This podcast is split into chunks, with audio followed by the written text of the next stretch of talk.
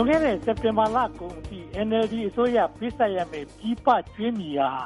အမေရိကန်ဒေါ်လာသန်း(၉၅၀၀)ကျော်ရှိကြောင်း သိရပါတယ်။ကြွေးမြီအများစုဟာ အရင်အစိုးရတွေ လက်ထက်က ရယူခဲ့တဲ့ ချေးငွေတွေ ဖြစ်ပါတယ်။ဒီအထဲက တရုတ်၊ဂျပန် နဲ့ ဂျာမနီပါဝင်တဲ့ပဲရစ်ကလပ်ငွေကြေးအဖွဲ့ဝင်နိုင်ငံတွေနဲ့ ကမ္ဘာ့ဘဏ်၊အာရှဖွံ့ဖြိုးရေးဘဏ်ကို ပေးဆပ်ရမှာ ဖြစ်ပါတယ်။တရုတ်ကို ဒေါ်လာသန်း(၄၀၀၀)နီးပါး ပေးဆပ်ရမှာမို့ ပြည်ပချေးငွေ(၄၄)ရာခိုင်နှုန်းဟာတရုတ်ကိုပြန်ဆပ်ရမယ့်ကြွေးမြီဖြစ်ပါတယ်။ NLD လက်ထက်မှာပထမဦးဆုံးအကြိမ်အဖြစ်နိုင်ငံခြားကြွေးကိုပြန်ဆပ်နိုင်တာတွေ့ရပါတယ်။ပြည်ပချေးငွေတဝက်နီးပါးဟာတရုတ်ကိုပေးဆပ်ရမယ့်အကြွေးဖြစ်နေပြီးတရုတ်ရဲ့အတိုးနှုန်းကလည်းအများဆုံးဖြစ်နေတာကြောင့်နိုင်ငံအတွက်ဝန်ထုပ်ဝန်ပိုးဖြစ်နေကြောင်းပြည်သူ့လွှတ်တော်ကိုယ်စားလှယ်ဒေါ်ခင်စန်းလှိုင်ကလွန်ခဲ့တဲ့ဇွန်လကဆွေးနွေးသွားပါတယ်။အခြားကြွေးမြီကိုဆယ်နှစ်အကြာမှာ ပြန်ဆပ်ရမှာဖြစ်ပေမယ့်တရုတ်ကိုတော့ငါးနှစ်အတွင်းပြန်ဆပ်ရမှာမို့ကြွေးပူလိုဖြစ်နေပါတယ်။လွန်ခဲ့တဲ့ဘဏ္ဍာရေးနှစ်၂၀၁၆-၂၀၁၇မှာပြည်ပချေးငွေအမေရိကန်ဒေါ်လာသန်း(၆၀၀)ကျော်ကိုမြန်မာကပြန်ဆပ်ပါတယ်။ဒီအထဲမှာတရုတ်ကိုအများဆုံးဒေါ်လာသန်း(၄၀၀)ကျော်ပြန်ဆပ်ရပါတယ်။ပြန်ဆပ်တဲ့ငွေထဲမှာအတိုးကတင်ဒေါ်လာသန်း(၂၀၀)လောက်ဖြစ်ပါတယ်။ဒါပေမဲ့ပြည်ပချေးငွေရယူပြီးအကောင်အထည်ဖော်တဲ့စီမံကိန်းတွေဟာ မျှော်လင့်သလို အောင်မြင်တာမဟုတ်ကြောင်း စီမံကိန်းနဲ့ ဘဏ္ဍာရေးဝန်ကြီးဌာန ဒုဝန်ကြီး ဦးမောင်မောင်ဝင်း ဇန်နဝါရီလ(၃၁)ရက်နေ့က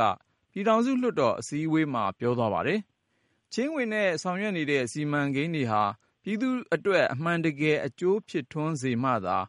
ကြွေးတင်ရကျိုးနပ်မယ်လို့ ဒေါ်ခင်စန်းလှိုင် ဆွေးနွေးသွားတာကို အလွန်မှန်ကန်ကြောင်း ဒုဝန်ကြီးက ထောက်ခံပါတယ်။အရင်ကတော့ ဝန်ကြီးဌာနတွေနဲ့ ရန်ကုန်နဲ့ မန္တလေး စည်ပင်သာယာရေး ကော်မတီတွေက နိုင်ငံခြားမှာ ငွေချေးယူလေ့ ရှိပါတယ်။ဒါပေမဲ့ ပြည်သူ့ကြွေးမြီ စီမံခန့်ခွဲမှုဥပဒေ ၂၀၁၆ ပြဌာန်းပြီးနောက်ပိုင်း စီမံကိန်းနဲ့ ဘဏ္ဍာရေးဝန်ကြီးဌာနက လွှတ်တော်ရဲ့ အတည်ပြုချက်နဲ့ ပြည်ပချေးငွေကို ရယူဖို့ စီစဉ်ထားပါတယ်။နိုင်ငံခြားအကြွေး အများဆုံးတင်တဲ့ဌာနဟာ လျှပ်စစ်နဲ့ စွမ်းအင်ဝန်ကြီးဌာနဖြစ်ပြီး ဒေါ်လာသန်း(၃၀၀၀)ကျော် ကြွေးဆပ်စရာ ရှိပါတယ်။စီမံကိန်းနဲ့ ဘဏ္ဍာရေးဝန်ကြီးဌာနကတော့ ဒေါ်လာသန်း( ၂၀၀၀)ကျော်ကြွေးတင်လို့ဒုတိယအများဆုံးဖြစ်ပါတယ်။သယ်ယူပို့ဆောင်ရေးနဲ့ဆက်သွယ်ရေးဝန်ကြီးဌာနကနိုင်ငံခြားကချေးယူထားတဲ့ချေးငွေဟာဒေါ်လာသန်း(၁၅၀၀)ရှိပါတယ်။ဖွံ့ဖြိုးရေးအကူအညီဆိုပြီးငွေချေးခဲ့ပေမယ့်စီမံကိန်းအကောင်အထည်မပေါ်တဲ့အခါမှာပြဿနာဖြစ်လာပါတယ်။ဒါကြောင့်မို့စီမံကိန်းစီစစ်ရေးနဲ့တိုးတက်မှုအစီရင်ခံစာဦးစီးဌာနကတာဝန်ယူပြီးစီမံကိန်းတွေကိုစနစ်တကျစစ်ဆေးနေတယ်လို့ဆိုပါတယ်။ နိုင်ငံနဲ့ပြည်သူအတွက်အကျိုးရှိမရှိဆိုတာကို အဓိကထားစစ်ဆေးနေပါတယ်။ပြည်ပကြွေးမြီအလွန်များလာတာဟာ တိုင်းပြည်စီးပွားရေးကို ထိခိုက်စေတယ်လို့ ယုံကြည်ကြပါတယ်။အကြွေးစုပြုံလာတဲ့ အခြေအနေကို မရောက်ဘဲ ကတိပေးထားတဲ့အတိုင်း အတိုးမှန်မှန်ဆပ်နိုင်ရင် ကြွေးဆပ်နိုင်ရည်ရှိတယ်လို့ ကမ္ဘာ့ဘဏ်နဲ့ အပြည်ပြည်ဆိုင်ရာ ငွေကြေးရန်ပုံငွေအဖွဲ့တို့က သတ်မှတ်ထားပါတယ်။ပြည်ပကြွေးမြီဟာ တိုင်းပြည်ပို့ကုန်တန်းဖိုးနဲ့ တူညီလာပြီး တိုင်းပြည်အသားတင် ထုတ်လုပ်မှုရဲ့(၃၀)ရာခိုင်နှုန်း ဖြစ်လာရင် ကြွေးဆပ်နိုင်ရည် ကျဆင်းလာတယ်လို့ ဆိုပါတယ်။အာရှတိုက်မှာတော့ ပြည်ပကြွေးမြီဟာ(၃၀)ရာခိုင်နှုန်းကျော်တာ များပါတယ်။တောင်အမေရိကတိုက်နဲ့ အရှေ့အလယ်ပိုင်းဒေသမှာတော့(၄၀)ရာခိုင်နှုန်းကျော် ရှိကြပါတယ်။တရုတ်ပြည်မှာသာ ပြည်ပကြွေးမြီဟာ တိုင်းပြည်အသားတင် ထုတ်လုပ်မှုရဲ့(၁၃)ရာခိုင်နှုန်းသာ ရှိတာ တွေ့ရပါတယ်။ ပြည်ပကြွေးမြီတိုးပွားလာတဲ့နှုန်းဟာတိုင်းပြည်အသားတင်ထုတ်လုပ်မှုတိုးပွားနှုန်းထက်မြန်ဆန်စွာတိုးလာတာကိုနိုင်ငံအတော်များများမှာတွေ့ရပါတယ်။မြန်မာပြည်မှာကြွေးဆပ်နိုင်ရည်ရှိမရှိသိနိုင်ဖို့အတွက်